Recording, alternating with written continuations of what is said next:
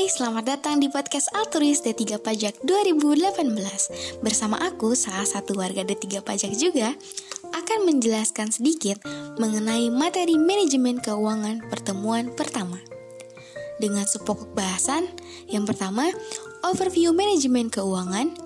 Yang kedua, tiga jenis organisasi bisnis. Yang ketiga, tujuan manajer keuangan. Dan yang keempat, lima prinsip dasar manajemen keuangan biar lebih afdol sambil dengerin podcast ini, buka PPT Pak Kuat yuk.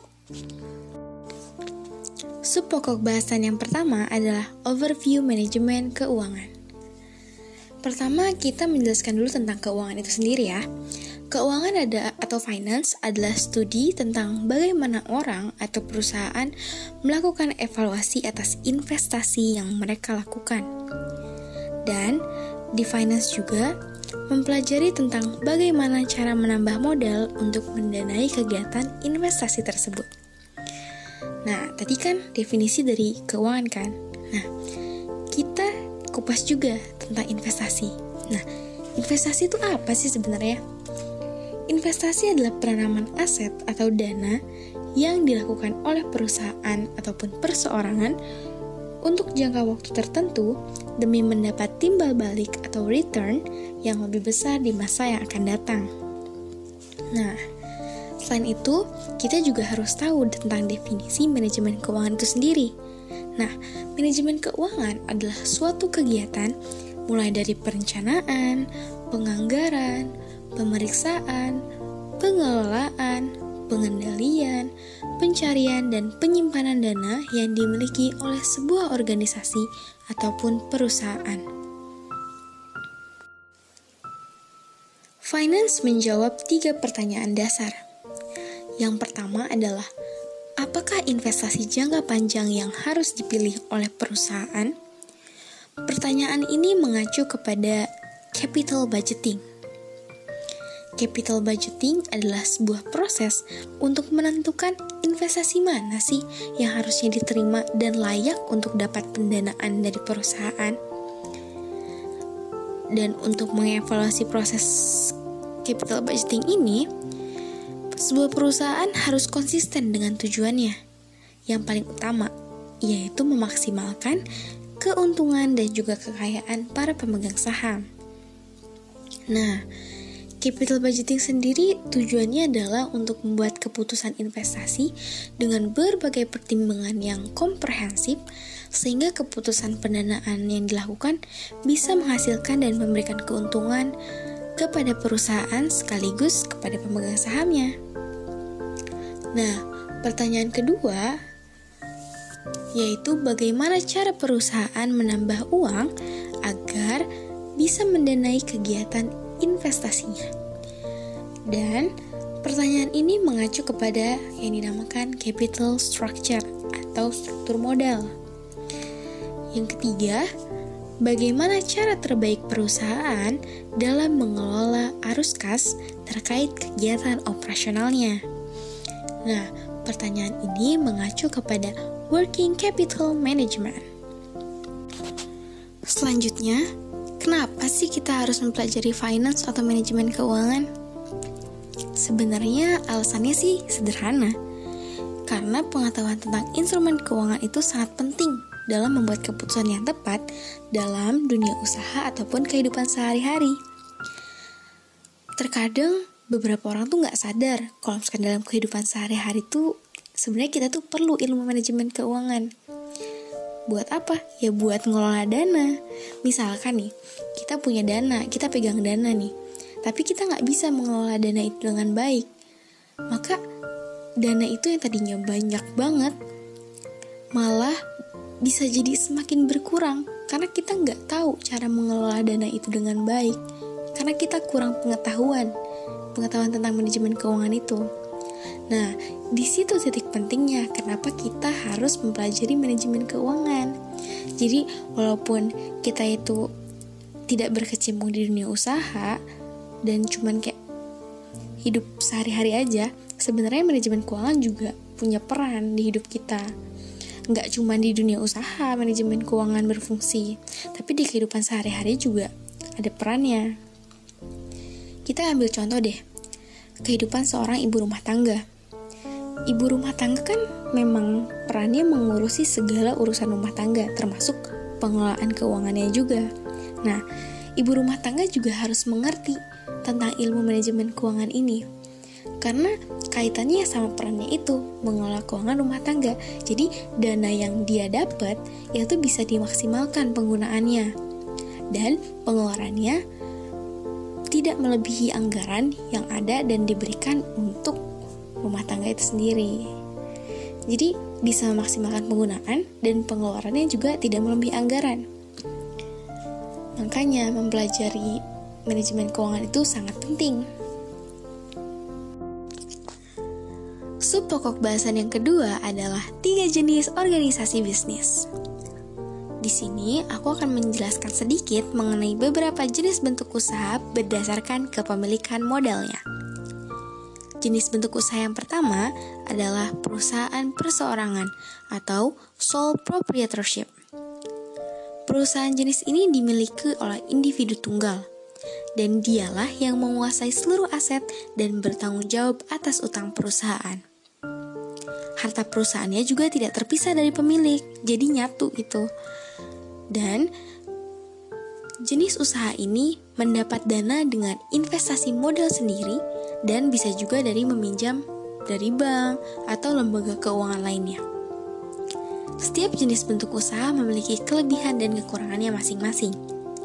Seperti di jenis perusahaan perseorangan ini, kelebihannya yang pertama adalah mudah untuk memulai bisnis karena tidak perlu berkonsultasi dengan pihak lain. Toh yang bikinnya yang membangun perusahaannya kan sendiri. Nah, yang kedua, pajak dikenakan hanya atas individu. Selain kelebihan yang tadi, perusahaan ini memiliki kekurangan juga. Yang pertama adalah bertanggung jawab secara pribadi atas utang-utangnya.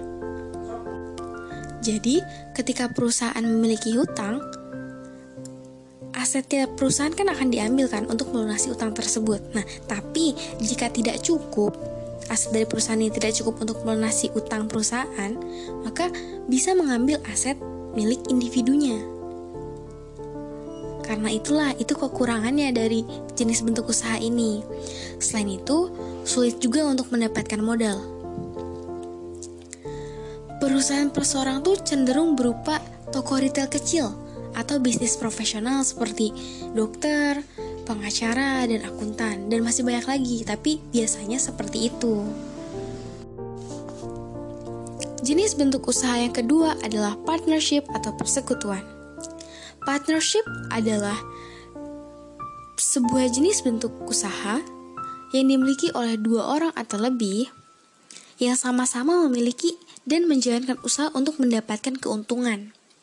Nah, terdapat dua jenis sekutu dalam persekutuan ini.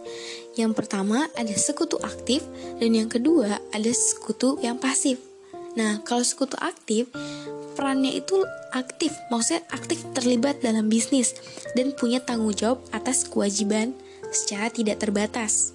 Nah, kalau sekutu pasif, dia perannya pasif, jadi hanya bertanggung jawab atas modal yang dia investasikan saja. Lalu pembagian untung ataupun rugi dari bisnisnya ini tergantung dari modal yang di-store. Nah, selain itu, partnership juga mirip-mirip sama perusahaan perseorangan mengenai hartanya. Harta perusahaan itu tidak terpisah dari pemilik. Nah, selain itu untuk kelebihan dari partnership ini sendiri adalah yang pertama relatif mudah juga untuk dimulai yang kedua, pajak dibayar dengan tarif atas individu juga, sama seperti perusahaan perseorangan.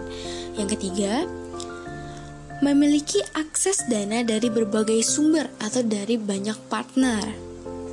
Selain kelebihan tadi, ada juga kekurangannya. Kekurangannya adalah biasanya tidak mudah untuk mengalihkan kepemilikan dari partnership ini. Selain itu, partner menanggung kewajiban tidak terbatas.